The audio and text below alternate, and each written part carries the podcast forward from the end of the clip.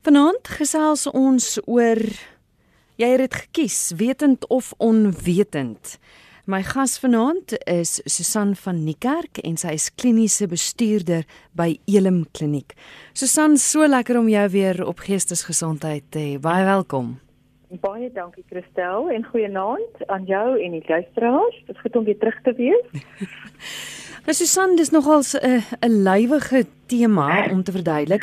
Ek weet ek het in my ja. promo ook gesê hoekom sal enige mens kies om ja. om vasgevang te raak in iets wat jy weet sleg is vir jou en wat jou lewe kan vernietig. Is daar ja. sekere mites oor die ontwikkeling van 'n verslawing of, of hoe jy so afhanklik kan raak van iets?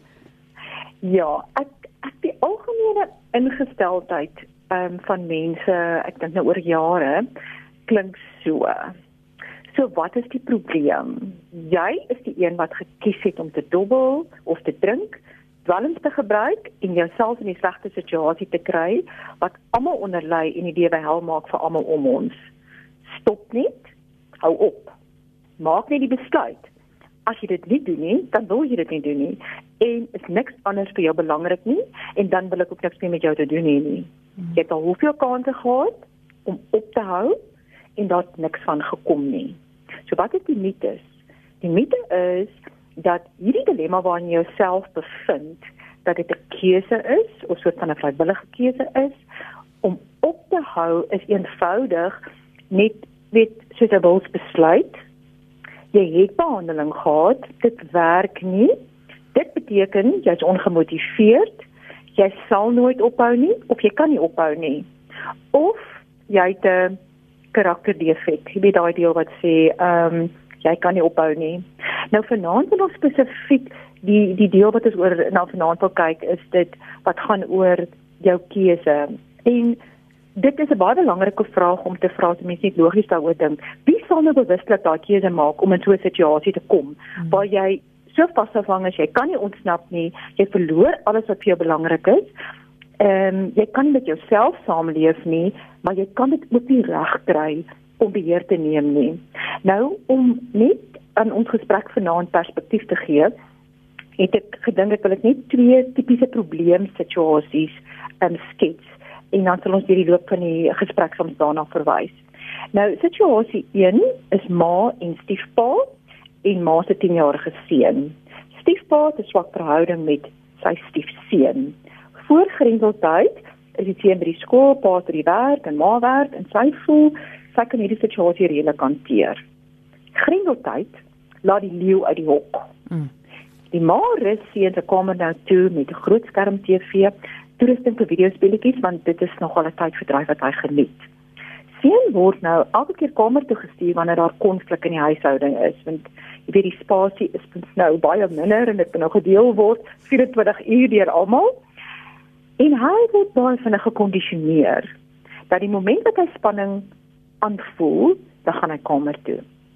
Nou, net letterlik 'n paar maande later, ongeag die emosionele temate in die gesin, bring hy nou die meeste van die tyd in sy kamer deur. Hy het nie meer belang by enige ander aktiwiteite wat vir hom voorheen belangrik was nie.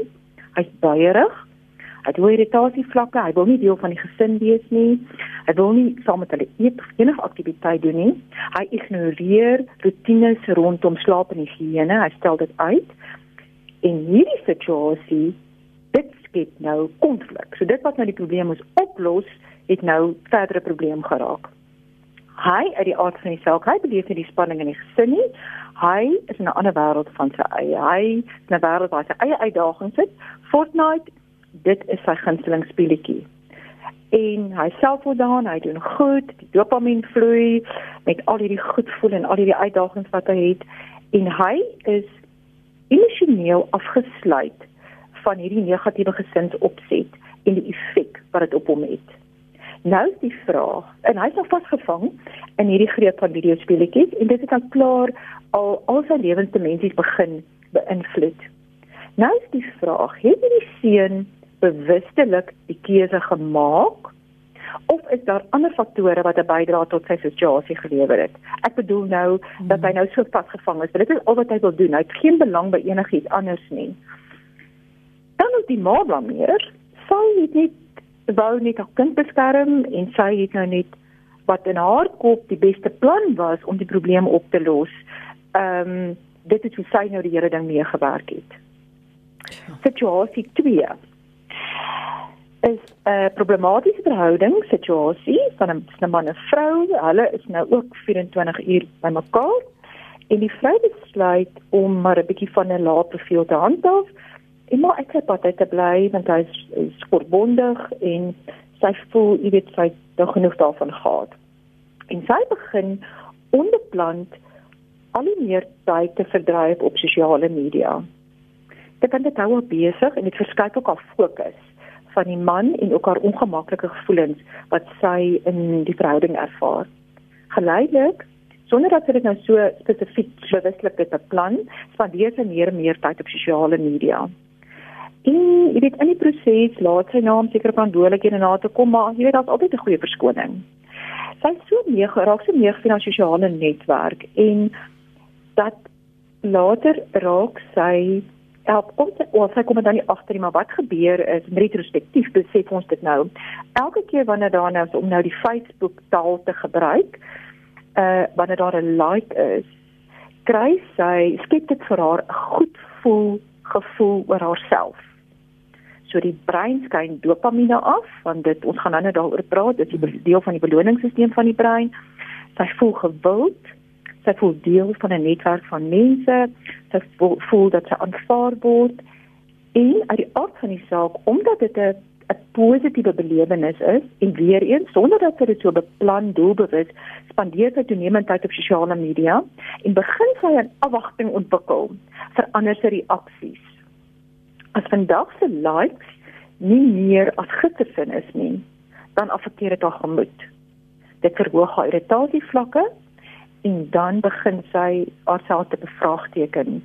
Nou, wat het ek nou verkeerd gedoen en is daar fout met my en wat het ek nou nodig om meer te doen want sy's nou letterlik af besig om afhanklik te raak elke dag word wel gevoel oor haarself word gemeet aan die hoeveelheid likes wat sy kry.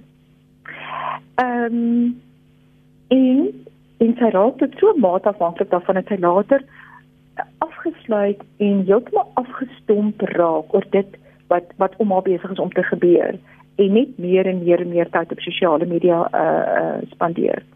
Nou en die ander effek, positiewe effek wat hierdie gedrag nou het, dit vat haar ook weg van die ongemak wat sy het oor haar verhouding met haar man en daai emosionele pyn wat sy rondom daar het. Wanneer sy in hierdie proses ehm um, van hoe sy verkeer met sosiale media is, is sy totaal en al afgesluit van daai onaangename realiteit, maar ook afgesluit van die emosionele uh impak wat dit op haar het en eintlik die pyn wat sy rondom dra. So kan jy sien dit lê op twee vlakke. Mm. Vir die seun het dit ook op twee vlakke gelê. Dit het op daai absolute goed voel gelê, hoe dit uh, die speletjies om goed laat voel, maar terselfdertyd het dit ook emosioneel afgesluit van van die ongemak van die emosionele goed in die gesin. Daai so, ons gaan net as aangaan sal ons nou verder, ek kan nog gaan ons nou verder net hierna verwys. Want ek wil juist praat oor daai ongemak. Die feit dat ons nou in grendeltyd is, dat die hele situasie rondom COVID-19 het vir baie van ons ongemak geskep op verskillende maniere. Ja. Kan mens dus sê dat grendeltyd, dit wat nou met ons gebeur het, dat dit dat dit half soort van kon bydra of sneller kan wees vir die gewoontevormende dinge wat ons beleef? Ek dink dit die woord wat jy daar gebruik is 'n baie betekenisvolle woord. Ehm um, sneller of 'n verhoogde risikotyd. Baie beslis. Nou, ek dink elkeen van die luisteraars uh, vanaand ervaar die impak van die grendeltyd en die uitdagings ehm um, vir elkeen is dit verskillend en en daar's al baie in die media gepraat oor en ek dink is baie goed al geïdentifiseer en gekonstrueer en mooi beskryf. Ek vir my wil ek dit net saamvat deur te sê dat die bekende is vervang met die onbekende en die voorspelbare met die onvoorspelbare. Mm. En dit skep 'n bit 'n warboel van intense negatiewe emosies waarvan vrees en onsekerheid 'n groot deel uitmaak. Nou hierdie situasie waarmee ons nou gekonfronteer word, leen hom absoluut tot die as ek nou jou woord gebruik, die sneller of die ontwikkeling van negatiewe gedragspatrone of dan langer termyn, nie noodwendig nie dit hang af hoe dit hanteer word, of langer termyn verslawing, as ons nie doelbewus waaksaam is en gefokus dit hanteer nie. En ek wil graag ehm um, verwys na aktiwiteite en ook chemiese middels wat oor die potensiaal beskik om te verander hoe jy dink, hoe jy voel en hoe jy optree en later so 'n aanspraak op jou lewe kan maak dat dit ten koste van jouself is. Mm. Mm. En dit is eintlik goed wat man dit is dit is dit is beskikbaar. Dit is dis maklik toeganklik en en ook aanvaarbaar. Ons hoef nie ver te gaan soek vir dit nie, maar dit hou risiko's in. Ek wil net graag so 'n paar voorbeelde noem van dit wat ons nou ehm um, die mees algemeenste sien oor die afgelope tyd. Goed. Dit is voorskrifmedikasie. Skielik omdat mense onder druk is en veral mense wat nou ehm um, hierdie takalmeer uh, tipe van medikasie gebruik, by medikasie hou nie by die voorskrif dokter se dosis en die en, en die voorgeskrewe voorskrif nie. Dis want daar's net daai daai ding in my kop van joh ek is nou onder druk ek het dan so 'n bietjie meer ons gaan deur 'n moeilike tyd. Ehm um, ag dit maklik ek gaan net na 'n ander dokter toe gaan en ek gaan 'n voorskrif kry. Dan is daar die voorraad in die medisynekassie te kies en te keer ons is soms verstom om te sien as mense opgeneem word by die kliniek dan is dit belangrik dat hulle alle medikasie saambring wat hulle gebruik dat mense presies kan sien wat hulle gebruik en so om die sakke medikasie waarmee mense daarmee aankom. So dit is dit is daar. Dan is daar my ma, my suster of my vriendin se ekstra voorraad. Slaapmedikasie, kalmeermedikasie, pynmedikasie en hulle help baie graag. Jy weet mos hoe families onder mekaar en mense onder mekaar medikasies uitdeel. Mm. Ehm mm. um, uh, dit dit maak dit bekombaar. Dan is daar diskend. As 'n onbeperkte voorraad van medikasie wat oor die toonbank gekoop kan word wat jy nie ehm um, 'n voorskrif vir nodig het nie. Alkohol het ons twee tipe situasies hier. Ehm um, as jy persoon wat reeds 'n probleem het en wat onder emosionele druk is en jy weet daar 'n verandering in sy patroon is, hy dalk weet problematies gedrink en nou verander die patroon en nou is hy dalk by die punt waar hy beheer verloor het. Dan het ons die persoon wat nou net ek hoef nie werk te gaan môre nie So ag weet jy wat wat maak dit saak en die gewoonte begin om net nou meer gereeld te gebruik om die corona stres ehm um, weet te help om te ontspan. Dan is daar natuurlik jou dwelmgebruikers wat aanhou gebruik, maar daar's 'n ander ehm um, faset wat op die oomblik bykom en ehm um, dat daar uh, sekere areas kan daar probleme wees met die beskikbaarheid van sekere dwelms as gevolg van net grense uh, wat nou toe is en so aan. En wat wat dit tot gevolg het is dat sekere mense so desperaat is dat jy nou middels sal gebruik wat jy nooit voorheen sou gebruik het nie maar bloot omdat dit beskikbaar is. Jou wat jy wat jou primêre substansie van misbruik is is nou nie beskikbaar nie. Nou sal jy alternatief vat solank jy net nie sonder iets is nie. En dit verhoog jou risiko's vir nou beland jy in verdere moeilikheid in 'n in 'n alreeds problematiese situasie dan ehm um, sosiale media. Dit dit lees deel van jou wêreld. En maar dit kan potensieel jou wêreld omvergooi. As jy dit nie hanteer vir dit waarvoor dit bedoel is nie. Dan het ons genoem die tegnologie. Jy weet ehm um, ek het nou eendag fisiese navorsing doen net wat hulle sê is een van ons van die mense behoeftes ook die behoeftes is om inligting te vergader En met die tegnologie tot ons beskikking is daar nie 'n begin nie en daar's nie 'n einde nie. Ehm um, so jy kan as jy nie dit goed kontroleer nie, kan jy onbeperk onbepaald besig wees um, op die internet met inligting. As jy dis eintlik baie interessant.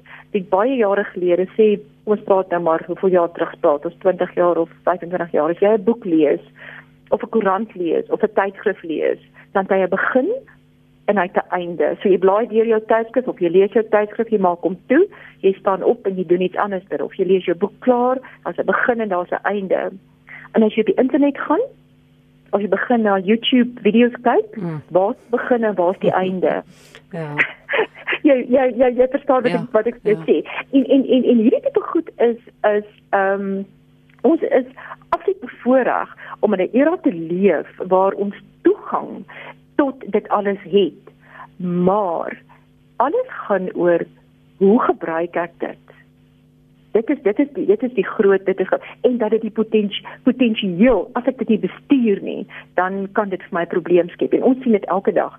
Dan is daar ook ek wat ek vir die, die video speletjies wil sien is is natuurlik jy kan jou interaktiewe speletjies, jou Xbox, jou selfoon, uh, uh, uh, uh, iemand het my nou dag so terloops net vir my gesê, "Sjoe, weet jy die Candy Crush, ek kom nie ek kan nie genoeg slaap nou in die aand nie want ek sit nou elke aand tot watter tyd en ek sien ek wil ophou hier by 10 uur en ek sien dit 12 uur is 1 uur en nou sê ek moeg en is 'n eenvoudige ehm um, speletjie soos soos Candy Crush en dis nou moet ek plan maak want dit begin nou regtig inbreek maak ehm um, met op my lewe so dis dit hoef nie eers gekompliseerd te wees nie mm. maar weer eens vir die video speletjies daai tipe goed weet dit hou my kinders besig uh, ten minste besig of dit hou my besig kos.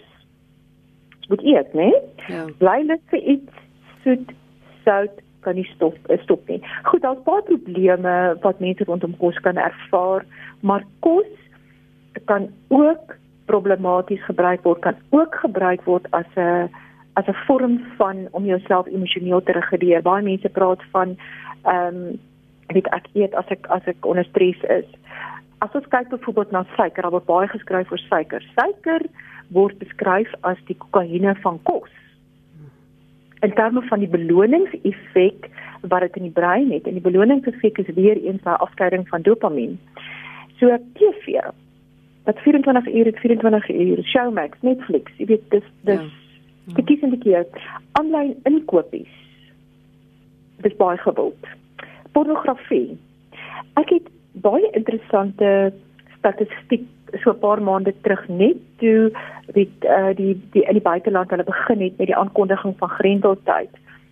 Toe was daar ehm um, ek spesifiek ek kan net nie die spesifieke statistiek on, uh, onthou nie, maar was dit letterlik van die een dag wat die wat die Grendeltyd in 'n land aangekondig was tot die volgende dag toe was die toename van besoeke aan pornografiese webwerwe iets tussen iets van tussen 25 tot 30% hoër Dan vra jy vir jouself, wat het van die een dag letterlik tot die dit was tot die volgende dag gebeur, want dit is 'n internasionale statistiek, ja. maar dit was so so drasties was dit gewees. Aanlyn dobbel. En so wat ek hier het, dit is die algemeenste wat ons nou op op op op hierdie stadium sien en beleef. En soos jy sien, dit in jou huis, jy hoef nie ja, die alkohol miskien kan jy weet goed dit is nou daar's nou reëls rondom dit. Maar al die ander goed, dit is in jou huis. Jy ja. hoef niks ver te gaan nie. Dit is oh, dit is in jou hand. Dis in as jy 'n foon het, is dit in jou hand. So wat ek hier genoem het is 'n kombinasie van natuurlik substansie wat tot jou beskikking is en dan natuurlik ook jou verskillende weet gedragspatrone wat probleme kan skep. En ek dink wat jy geskep het is die feit dat dit so onskuldig is.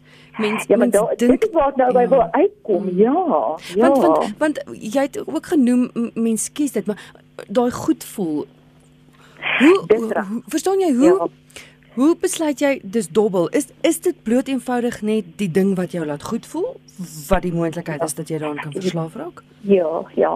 Dit is ehm um, jy weet as ons as ons kyk na daai die vraag is ehm um, jy weet weet ons kies die aktiwiteite waarby ons betrokke raak in ons lewe, maar as jy nou kyk hoe probleme ontwikkel, dis baie die brein het 'n beloningsstelsel wat beskryf word as die plesierpad na jou brein toe. Mm.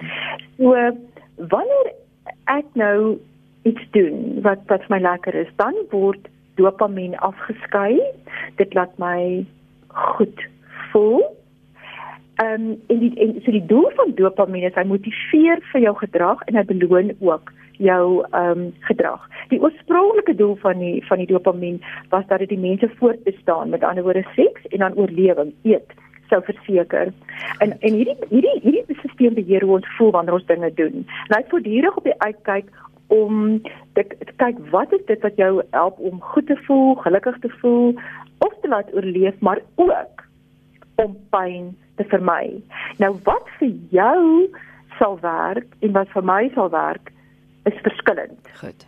dis baie moeilik. Ek ek kry dit dikwels dat 'n persoon wat 'n dopprobleem het wat sal sê, "Sjoe, weet ek kan nie hierdie ouens wat so drink. Ek weet nie ek sal dit nooit kan doen nie. Ek kan dit nie verstaan nie." En dan 'n persoon met 'n alkoholprobleem sal weer sê, "Weet jy wat? Dobbel doen niks vir my nie." Ehm um, ek dink dit is nou maar dank baie af van jou van jou van jou bepaalde van jou brein en al die unieke verskille tussen ons. So dit is baie moeilik om te sê vir wie sal wat 'n effek hê. Goed. Ja. Ek jy het nou nog gepraat van die van die ehm um, hoe onskuldig hierdie hele proses is. Hmm. En dit is nogal iets wat ek ook graag gedink het om te deel vanaand. Jy weet, wat is die die tipiese situasies wat die wat die aanvang van die ontwikkeling van die ehm um, met die gewoontevormende gedrag vooraf gaan. Ehm um, net om ook ons ons ja. ons ons hele ding dat dit 'n mite is net te bevestig.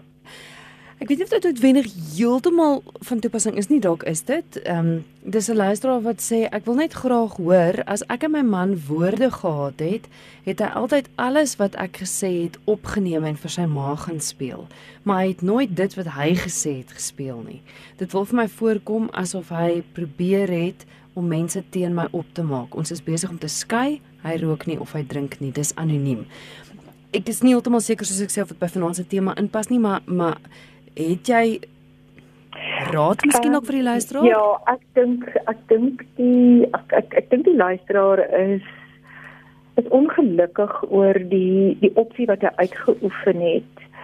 Ehm um, oor hoe om hierdie probleemsituasie te hanteer het en iemand te betrek het by die situasie wat eintlik ehm um, nie deel eh, van die verhouding is nie en wat nie weet nie deel van die probleem is nie en nie deel van die oplossing is nie. Ek dit klink vir my sy sou verkies het dat die alle die saak tussen hulle twee ehm um, eerder sou hanteer het. Mm. En iemand ek dink dit het probeer net vir ons sê ehm um, jy weet haar kant van die saak was belangrik want dit gee perspektief. Ja. ja. So hy het net sy kant van die saak gestel. Um, gestel. So behoefte was dat dit dit binne die konteks van hulle twee uh, uitgesorteer moes word. Ja, starte anoniem. 45889, dis die SMS nommer, dit kos jou R1.50. Goed, Susan. Goed, kan ons voortgaan. Die tipiese situasie vir die aanvang van die ontwikkeling van die gewoontevorming gedrag vooraf gaan. Ehm um, jy het nou nog gesê dit klink so onskuldig en dit is een van my goed wat ek het is is dat dit ons dit so dikwels onskuldig is. Byvoorbeeld, die ma is besig sy werk om te doen. Die kinders sit voor die TV, hulle is besig. Hulle is uit die pad uit. Ehm um, daar's geen negatiewe bedoeling daarmee nie. Dit verminder die aanspraak op haar sy kan doen wat sy doen. Dit is tyd terwyl die kind die meeste van hulle tyd voor die TV en langer termyn ontwikkel hierdie kinders nie vaardighede om hulle self besig mee te hou nie en kan dit weet dit het nou sy eie probleme wat dit kan skep. Onkunde die eerste en tweede een gaan baie saam. Mm. Die tiener wat byvoorbeeld ongekontroleerd gelaat word om videospeletjies te speel want hulle is in elk geval hulle het elk niks anders om te doen nie. Jy hoor dit dikwels. Ja. As in die kamer of ek hoor hom nie, ek sien hom nie, hy kom net eet. So met ander woorde, hy maak nie aanspraak nie, hy maak nie moeilikheid nie. Ek weet waar hy is, so los hom dat hy in vrede te doen wat is die ehm um, gevaar van hierdie uh, tipe van gedrag langtermyn. En daar daar kan 'n mens seker 'n hele aanpraat. Dan ook ehm um, dit kan 'n aktiwiteit wees of iets wees wat net normaal deel van jou lewe is wat jy nie probleme het nie. En skielik wanneer jy onder druk nou kom, dan ehm um, verander jou verhouding met die aktiwiteit. Sien nou byvoorbeeld so sosiale media. So die doel waarvoor dit dan daar is, ehm um, dit is nie meer ter sprake nie.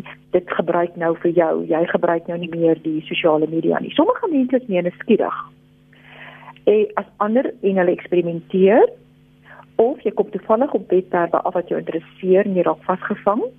Dis nogal die voorbeeld wat ek hier wil noem is kan kan pornografie wees. Onbewustelike groepsdruk. Almal doen dit. Almal praat daarvan, so jy doen dit ook. Mm. En 'n goeie voorbeeld hiervan vir my is is is jou is jou is TikTok. Jou vriendin, sy spog oor al haar navolgers en jy is nie eens op TikTok nie. Kan jy nou dink as jy nou 17 of 18 is en wat die dilemma is wat dit nou vir jou gaan skep? Ehm um, verveling.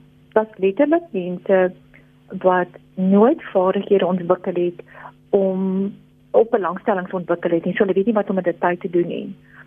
So dan is dit baie maklik om vasgevang te raak in een spesifieke aktiwiteit wat dan op die ou en van die dag jou jou lewe oorheers. Mense wat 'n gebrek aan struktuur en rotine in hulle lewe het. As jy nie gefokus is om jou gedrag en hoe en waarop jy jou tyd spandeer te monitor nie, dan is daar weet eh, dan is daar probleme. Want hmm. almal van ons kan kan as jy fokus daarop, dan kom jy agter ek spandeer nou te veel tyd aan hierdie aktiwiteit en dit maak dat ek nie by dit en dit en dit uitkom nie. En dan neem jy beheer en sê ek gaan dit nou stop. Ek gaan dit net soveel keer doen en of ek gaan dit glad nie meer doen nie want weet jy ek kry eintlik nie enige waarde hier uit nie. Sommige mense het, het net beperkte lewensvaardighede in in sekere areas van hulle lewe. Byvoorbeeld om te kan om te kan sosialiseer. So dan voel hulle veral met die inter, interaktiewe videospeletjies sal ek nogal dikwels kry dat dit 'n probleemarea vir mense is. So hulle voel baie ek is besig om met mense in interaksie te wees.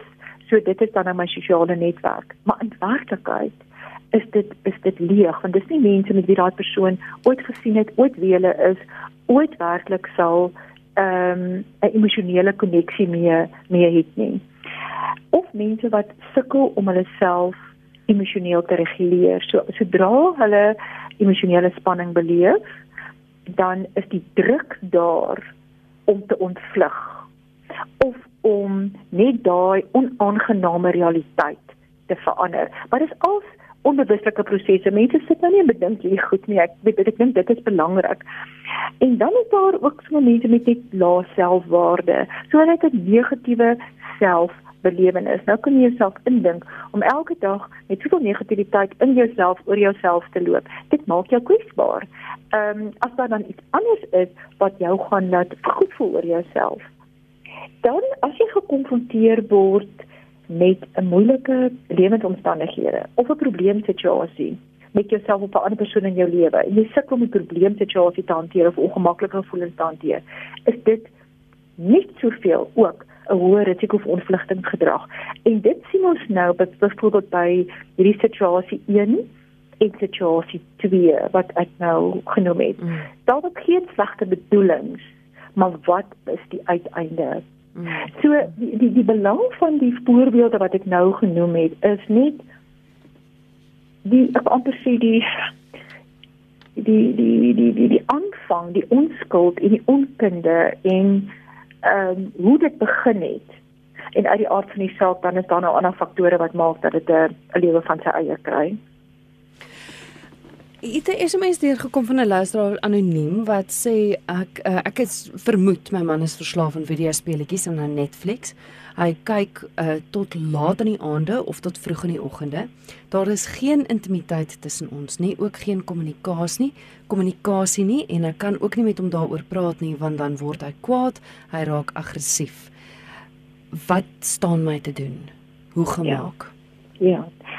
Ehm um, ek stel uh, my fokus ehm um, as ek uh, ek sê uit die aard nie sou kan ek hoor dat sy nou al probeer het om 'n gesprek met hom aan te knoop wat uit die aard van die saak die manier is om dit op te doen. Maar ek dink wat belangrik is is is is as ek hierdie gesprek sou ehm um, moet aanvoer, sou ek voorstel dat sy nie fokus op die video speletjies nie, dat dit nie haar vertrekpunt moet wees nie.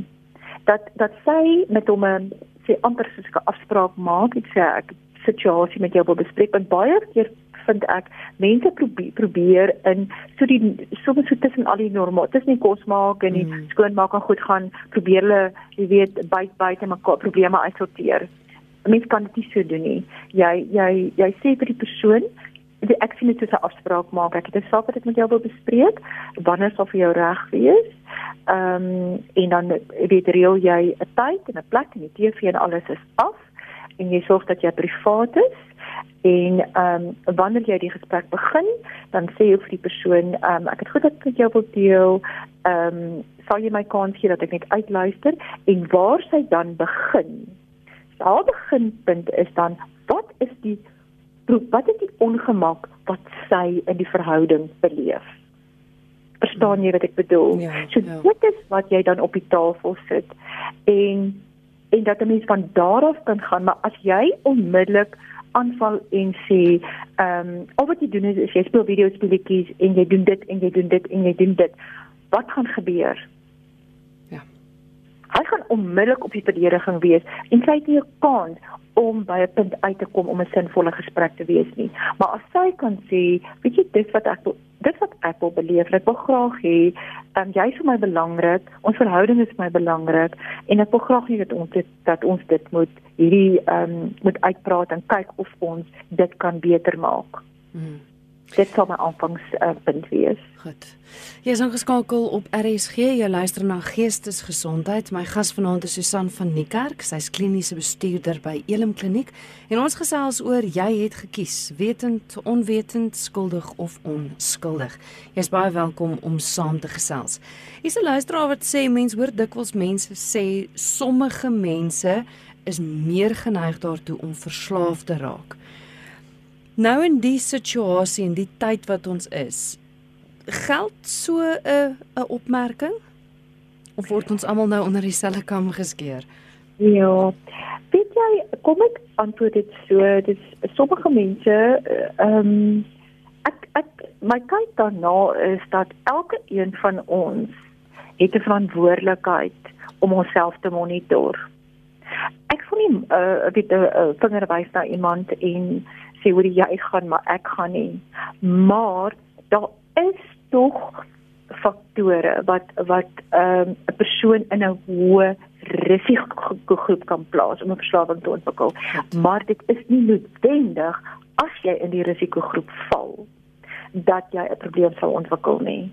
Ehm um, en ek ek weet nie of jy wil hê dat ek net 'n bietjie daaroor uitbrei nie. Ja, want is daar sekere ja. mense wat soos jy nou ja. sê 'n hoë risikogroep is? Ja, ja, dit ja, en al dit al wat ek sê, dit dis 'n dis 'n hoër ja, dit sê maar nie dis 'n hoë risiko dis weet as dit dan baie ook af van 'n mens se genetiese samestelling ehm um, of daar 'n predisposisie vir verslawing is en dit word maar bepaal deur die interaksie tussen jou verskillende gene. As 'n persoon 'n reeds bestaande gediagnoseerde geestesongesteldheid het wat nie behoorlik bestuur of hanteer word nie, kan dit 'n risiko wees. As daar 'n familiegeskiedenis is van verslawing, kan dit jou in 'n hoë risikogroep plaas. En dan baie interessant is dat die die breinontwikkeling wat na geboorte van 'n kind plaasvind, is baie belangrik en is baie reaktief tot sy versorging wat hy ontvang. En die navorsing wys dat blootstelling aan 'n ongunstige versorgingsomgewing gedurende daai ehm um, kind se se eerste jare maak die kind neurobiologies kwesbaar vir die effek en impak van stres later in sy lewe en nou dit kan bydra tot die ontwikkeling van 'n ooraktiewe stresreaksiesisteem wat dan later vir die kind probleme skep om sy emosies verantwoordelik te reguleer wat is die goed wat hom uh, motiveer? Wat is die goed wat hom beloon? En net sy algemene vermoë om sy gedrag te kontroleer. En ehm um, daar's soveel navorsing wat 'n verband trek tussen ongunstige kinderjare ervarings wat kan insluit versorgingsdeprivasie, trauma, verwaarlosing van die kind, ehm um, met op al sy op sy fisiese vlak, kognitiewe vlak, emosioneel, seksueel en dis al verhoogde risiko's. Maar nou weer eens wil ek sê dit is nie dis nie te sê dat dit so sal wees nie. Ja. Ehm um, en natuurlik hang baie baie af van die ehm um, bepaalde eienskappe van die persoon se brein. Hmm. Ja, interessant. Hier is nog 'n boodskap wat deurkom. Uh eerstens 'n luisteraar wat vra, kan mens verslaaf raak aan antidepressante? Die antidepressante gee nie ge, uh, gewoonlik vir mense is nie 'n gemoedveranderende middel en wat mense nou as ek nou kan sê euforiese gevoel uitkry nie. Ehm um, ek het dit al gesien dat mense bloot dit misbruik, maar alle alle per uh, weet hulle sal panado ook misbruik. Jy so jy mm. kry dit. Maar ehm um, nee, dit het 'n baie bepaalde funksie en dit is net belangrik dat die persoon dit gebruik soos die dokter dit voorgeskryf het. Goed. Nog 'n luisteraar Andrew wat sê naand, ehm um, ek wil net hoor wat staan my te doen. My vrou is verslaaf aan die chat rooms. As ek oor dit praat, sê sy dis beter ons kan maar mekaar los. Ek weet nie wat bedoel sy met dis beter nie. Okay, ek ek dink wat wat ek nou hoor of ek ons kan nou nie in gesprek hmm. gaan met Andrew om dit nou te bevestig nie. As sy sê dit is beter, dan klink dit vir my ehm um, dat sy kry beloning. Want hmm. onthou gedrag nie vir ons 'n waarde het of 'n bepaalde beloning het nie, dan ehm um, sal ons nie hierdie tipe van keuse maak nie. So iewerster het hierdie chat rooms wat dit nou ook al mag wees, is is dit nou erkenning, is dit aanvaarding, is dit plek waar sy behoort, weet nie wat is haar emosionele behoeftes nie. Ehm um, en dit klink vir my dit is definitief is sy is sy daar vasgevang. En en ek sal weer eens wat ek by die vorige luisteraar ook gesê het. Ehm um, met 'n persoon wat jy dink daar reeds vir jou rooi ligte is in terme van die persoon se gedrag. So sodra jy daarop fokus, daai persoon gaan op die verdediging wees want daai gedrag is funksioneel vir daai persoon. En dit is moeilik, hulle wil nie uh, as jy dit aanval of hulle breek jy val, jy val hulle aan. En dit gaan ook beteken hulle moet iets daaromtrent doen. Jy verstaan? Ja. So jou begin jou beginpunt is altyd wat is dit wat jy uit die verhouding, dit wat jy beleef en dit wat vir jou belangrik is en hoe kan jy dit verbeter? Verstaan jy? So jy mm. kyk na jou invalshoek. Goed. Dan nog 'n SMS wat sê vir 4 maande lank sterf ek van lus vir 'n 700g houer lint sjokolade wat ek alleen wil opeet. Maar ek gaan nie winkel toe nie. Die persoon sê dit oorheers totaal en al my denke.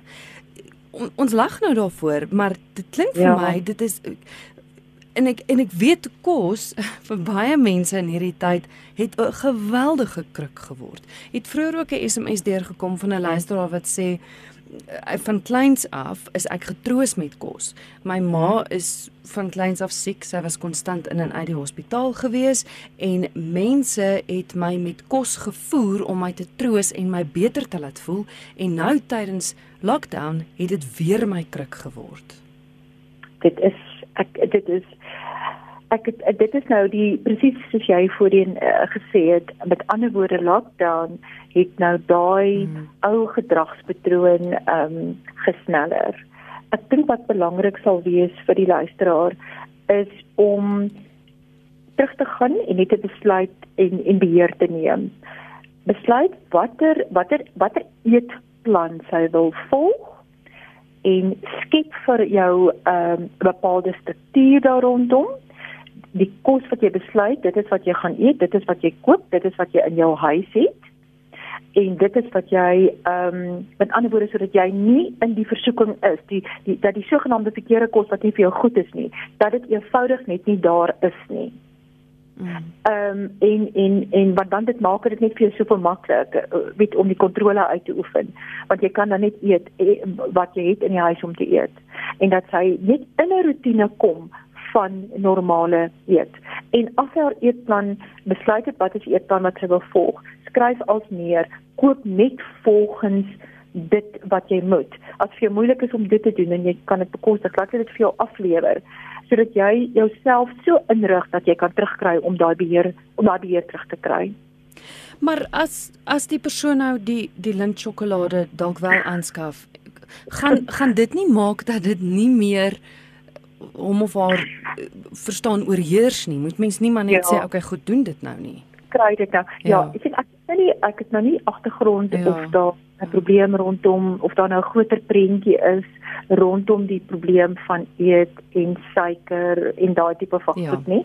Maar as dit nou as dit nie is nie en jy uit uit jou ervaring verlede weet dat jy sal nou daai ding sjokolade kan eet en dit sal klaar en oor verby wees. En daar is mense wat dit so kan doen mm. en dit is nie 'n probleem nie.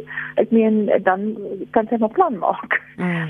Maar as dit binne die groot prentjie van haar um, gewoontes 'n probleem is, dan moet sy oorweeg en moet sy kyk of dit nie dalk ander uh, negatiewe kosgedrag kan sneller nie. Goed het 'n uh, boodskap deurgekom van 'n luisteraar wat sê goeienaand. My dogter is 26 jaar oud en sy het twee seuns, 4 en 7 jaar oud.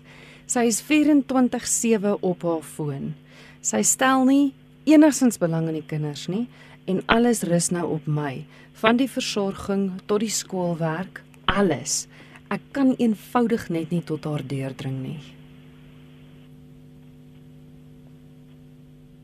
Sjoe, ek het begrip vir hierdie ma se frustrasie en dit klink vir my asof hulle dalk ehm um, saam woon. Mm, ehm mm, um, en nou wonder ek net tot watter mate die die saamwoon situasie daar is dat ma is daar en wat sal gebeur as ouma is eintlik nou ouma nie. Ja. As ouma net begin om sekere goed nie te doen nie.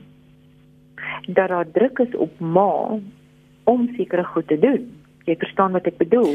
Ek verstaan maar Susan, ek verstaan ook maar oumas, nou, ja, oumas se hart. Ek verstaan ouma, mm. ek verstaan ouma, ek verstaan ouma se hart ook. Mm. Want ouma wil nie ehm um, die die sy wil nie hê dat haar haar kinders mm. moet moet moet moet moet moet skade ly nie. Jy sien ons weet nou nie watter tipe van ehm um, gesprek of intervensie hy sy nou al met maar ehm um, gehad het nie. Uh hierdie is is is 'n is 'n ernstige situasie van dit eintlik ehm um, kinders, twee kinders wat ehm um, jy weet as hulle nou niks van hulle ma kry nie. So wat is die emosionele deprivasie wat hier plaasvind? En al, ons weet nie hoe het ouma nou al hierdie situasie hanteer nie. So dit is maar baie moeilik om om om dit ehm um, dit te sê. Ek ek wonder net in hierdie spesifieke geval aangesien daar twee jonger kinders ter sprake is, ehm um, is my baie ernstig en as ek ouma was sou ek gaan ehm um, professionele hulp kry. Ja. Ja. Ehm um, vir vir haarself. Ja. En dan ehm um, met die mikpunt om te kom maar in te kry en dat daar dan 'n intervensie kan plaasvind. Want ons praat baie daaroor vir alles wat kom by verslawing, daai hele ding van tough love dat jy op 'n stadium moet sê, okay, goed, nou dis die grense tot hier toe nie verder nie, maar ek weet die oomblik as daar jonger kinders daar sprake is, dan maak dit dit soveel moeiliker want dit, dit gaan nie net oor die oor die dogter oor oor die ma nie. Dit nee, gaan 'n nee, effek op die nee, kinders hê. Nee, nee, ja. nee, jy is heeltemal, jy is heeltemal reg. Jy is heeltemal reg. Maar ek dink die mens moet 'n jy moet ook by 'n punt kom wat jy wat jy besef nou gaan ek nie verder karring aan die aan die dogter nie. Mm. Ek moet nou eers vir my hulp kry. Dat ek net eers kyk wat kan ek doen? Daar is net sulke situasies en hierdie tipe situasie regverdig dit vir my en uh, dat jy iemand dat jy dat jy iemand gaan sien vir jouself. Ja. Want dan kan daai persoon sê, "Goed. Ehm um, kom ons kry maar in en ons ons beplan hierdie hele ding." Nadat jy eers gekyk het na al die ander opsies wat daar is vir ouma. Hmm. Ons praat nou vanaand oor oor keuse. Was dit wetend, onwetend, skuldig, onskuldig? Wat is die belangrikheid van 'n gesprek soos vanaand vir jou en vir my, vir elkeen wat luister? Ja. ja, so afloop wat is die belang?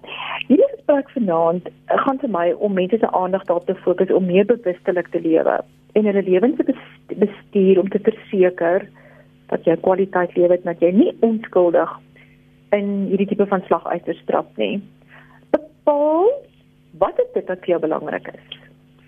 En as jy jou lewenstyl en daaglikse rotine krities beskou, spandeer jy jou tyd en energie aan dit wat vir jou belangrik is of is daar 'n totale inkongruensie met wat vir jou belangrik is en waarin jy tyd spandeer? Voorbeeld wat ek hier het is ehm um, Bosie, hoe belangrik sy verhouding met sy enigste kind is, sy seun, en hoe lief hy vir die seun is van 13 wat so is en die kind uh, wat probleem gedra het en baie reg baie baie aan die verhouding met pa. Mm. Maar vir hom is pa afwesig. Kan nie onthou wanneer laas hy pa iets saam gedoen het nie. Pa kom by die huis na werk. Hy sien hy rook iets in die kamer en van daar af is pa op sy selfoon. So dit wat pa sê en dit wat in die realiteit gebeur, is twee verskillende goed. So ons moet krities na onsself kyk, besluit wat is die aktiwiteite wat jy moet afskaal of uitsluit of moet insluit in jou dag-tot-dag rotine om te lewe in balans met wat jy na waarde ag en wat vir jou belangrik is. Want ons ons is so gebombardeer met soveel goed wat na ons kant toe kom. Jy kan nie op alles fokus en gebalanseerd leef nie en nog steeds kwaliteit hê nie. Jy moet jy moet selektief wees. Jy moet besluit na ander dinge wat vir jou belangrik is. Ehm um, en dan wees bewus van hoe jy jou kinders aktiwiteite bestuur sodat hulle kan toegelaat word om alle lewensdimensies te ontwikkel. Bied vir hulle 'n gesonde gebalanseerde gesin. Met ander woorde, eet by die tafel. Eet saam. Maak hulle deel van die verantwoordelikhede in die gesin. Skoolgoed was, bed opmaak, skoonmaak. Ehm, um, jy weet onderkos gee. Wat ook al is om te doen. Spandeer tyd met hulle. Ek dink as jy hoe meer jy met kinders doen het, hoe besef jy hoe groot is kinders se interaksie met ouers? Hulle het so behoefte om te praat. Daar's soveel goed wat hulle het om oor te praat, maar die ouers is net nie daar nie. Daar's soveel interessante goed wat ons as ouers ons kinders kan aan blootstel. Laat hulle saam dink aan doen uh, en beplan aan goed wat julle as 'n gesin kan doen. Mens kan dit so uitdagend en interessant um, maak, maar ek dink dat in die verlede ons is, ons is as ouers het gemaklik geraak omdat tegnologie daar is. Dit vat eintlik redelik druk van jou af. Ehm um, met grendeltyd is daar nou addisionele spanning en sekere goed het verander en ons is onder druk maar ons is eintlik onder druk want ons gemaksone is is gekonfronteer. Ja. Jy verstaan wat ek bedoel. Ja, ja. Die goed wat voorheen net maklike oplossings was, is nou nie meer daar nie. So vir my is dit eintlik as ek as ek daaroor dink dan dink ek is eintlik 'n ongelooflike ehm um, groei kan 'n groei tyd in jou lewe wees. Want ons as mense verander nie terwyl ons gemaklik is nie. Maar as jy kyk na in jou persoonlike lewe, wanneer is die tyd wat jy die meeste gegroei en ontwikkel het? Het die swaarste gekry het, want jy moet diep gaan grawe om by opsies uit te kom en die ding uit te werk. Wat is daar vir my? So daar's eintlik ongelooflike geleenthede.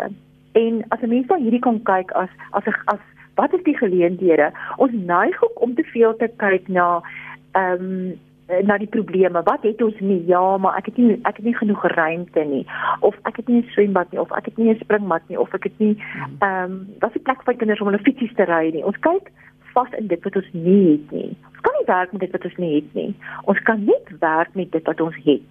Gebruik dit wat jy het.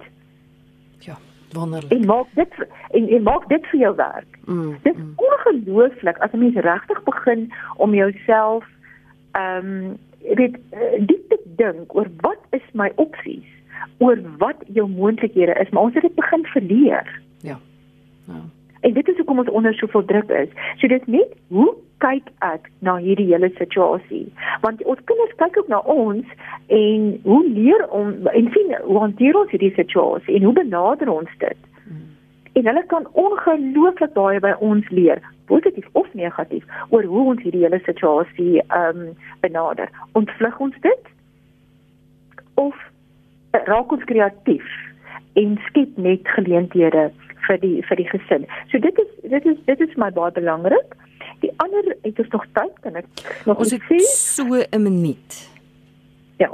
Die ander is dit is dit ehm um, die persoon wat saamleef met die verslaafde, net om te weet weet jy, ehm um, jy kyk na jouself, moenie moenie dit vir persoonlik dit wat daai persoon doen. Daai persoon doen wat hy doen omdat hy self in die moeilikheid is.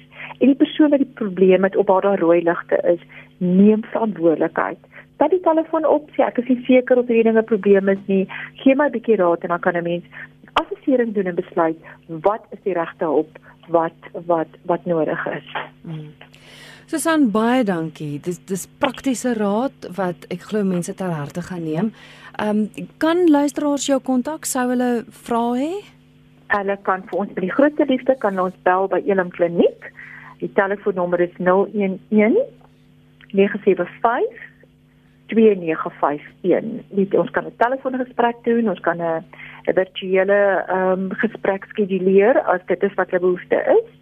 En daar's ook 'n webadres www.elimklin.co.za dat mense kan ook ehm um, kontak maak en dan is daar ook 'n chat op weet ehm um, op die webwerf wat as hulle wil ook dit vra vra. Baie dankie vir die gesels en ja, tot ons weer gesels mag dit met jou goed gaan. Baie dankie Christel. Dankie. Dis Susan van Niekerk met wie ek gesels het. Sy is kliniese bestuurder by Elim Kliniek. Hulle is by www.elimklin.co.za. Hulle spesialiseer natuurlik in verslawing en hulle kan geskakel word by 011 975 2951